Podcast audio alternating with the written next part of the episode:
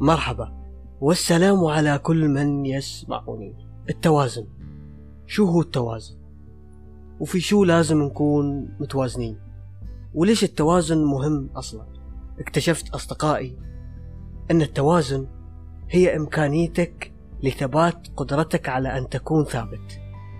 والتوازن فكرة ممكن تطبق في أي شيء.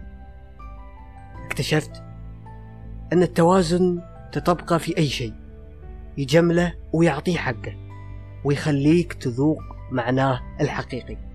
دائما يقولون امسك العصا من النص.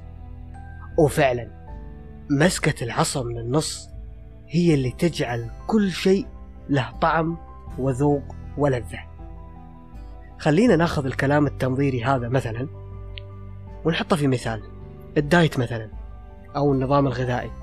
مع أني شخص غير متخصص في التغذية لكن الطريقة اللي أنا أتبعها وتناسبني هي أني ما أحرم نفسي من شيء لكن في نفس الوقت أتمرن وآكل صحي في أغلب أيام الأسبوع. لكن في أيام في الأسبوع آخذ راحتي فيها في الأكل وعدم الحركة.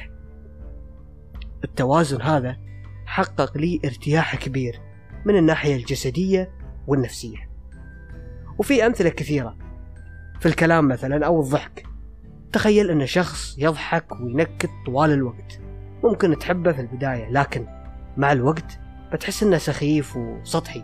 لذلك التوازن مهم جدا. أعتقد لو وازنا أشياء كثيرة في حياتنا بنعيش بسلام. لا تأخذ اكتشافي بجدية حبيبي. مجرد رأي. حاول تكتشف بنفسك. السلام عليكم.